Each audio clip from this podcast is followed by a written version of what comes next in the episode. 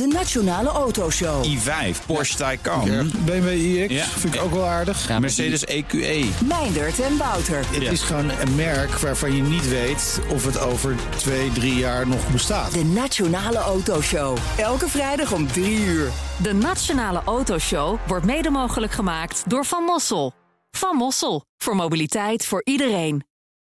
Ja, hallo. Wesley en ik denken dat jij deze podcast ook wel leuk vindt. Wereldspelers.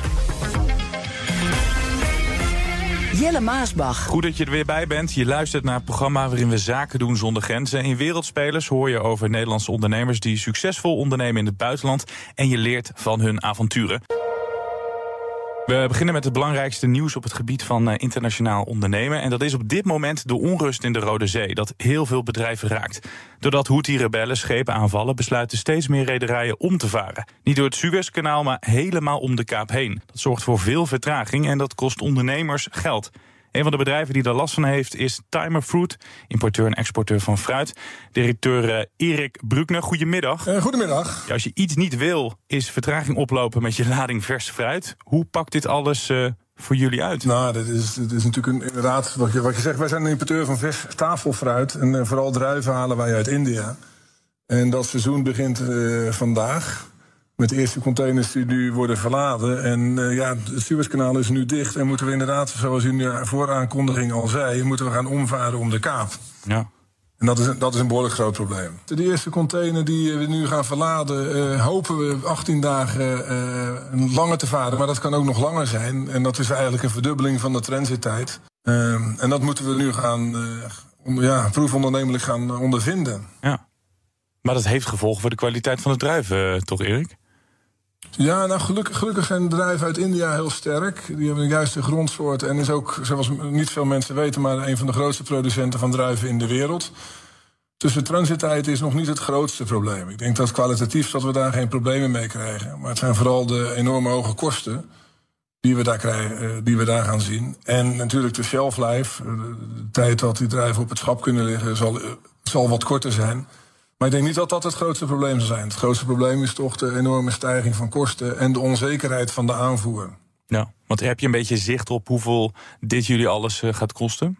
Nou, als ik kijk, ik werk al heel lang in, in India. Ehm, eh, India exporteert tussen de 8 en de 10.000 containers druiven per jaar. En dat is in de, in de week, eh, hier in de schappen is dat tussen week 8 en week 22. Ehm, dus de, de, de zeevrachten na de, eh, na de coronacrisis zijn wel wat naar beneden gekomen.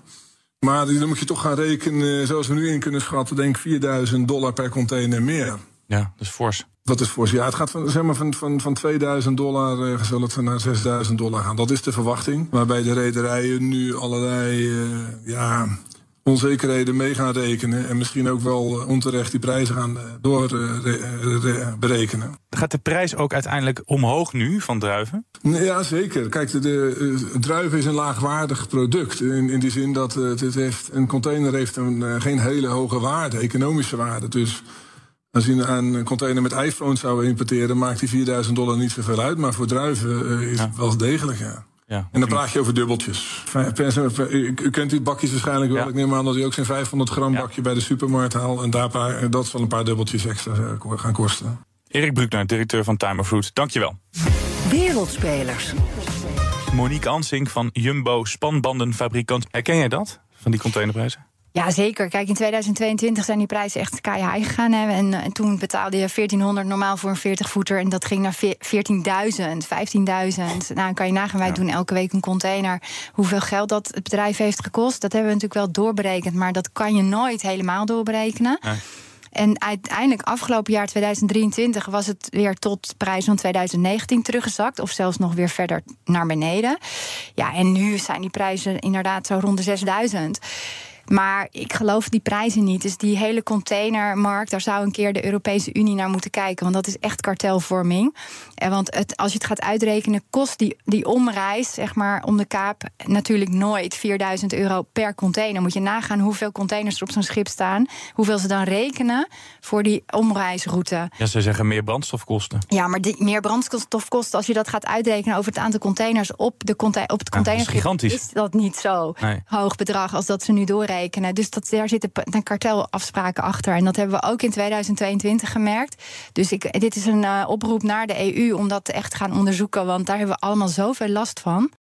BNR Headlines. De hele dag binnen- en buitenlandse politiek. In Nederland hebben we geen munitiefabrieken. De hele dag economie. Vijf dagen in de week bezorgen, dat kan niet uit. De hele dag technologie. Amerikanen weer op de maan. Heb je eigenlijk geen tijd, maar wil je toch op de hoogte blijven? BNR Headlines.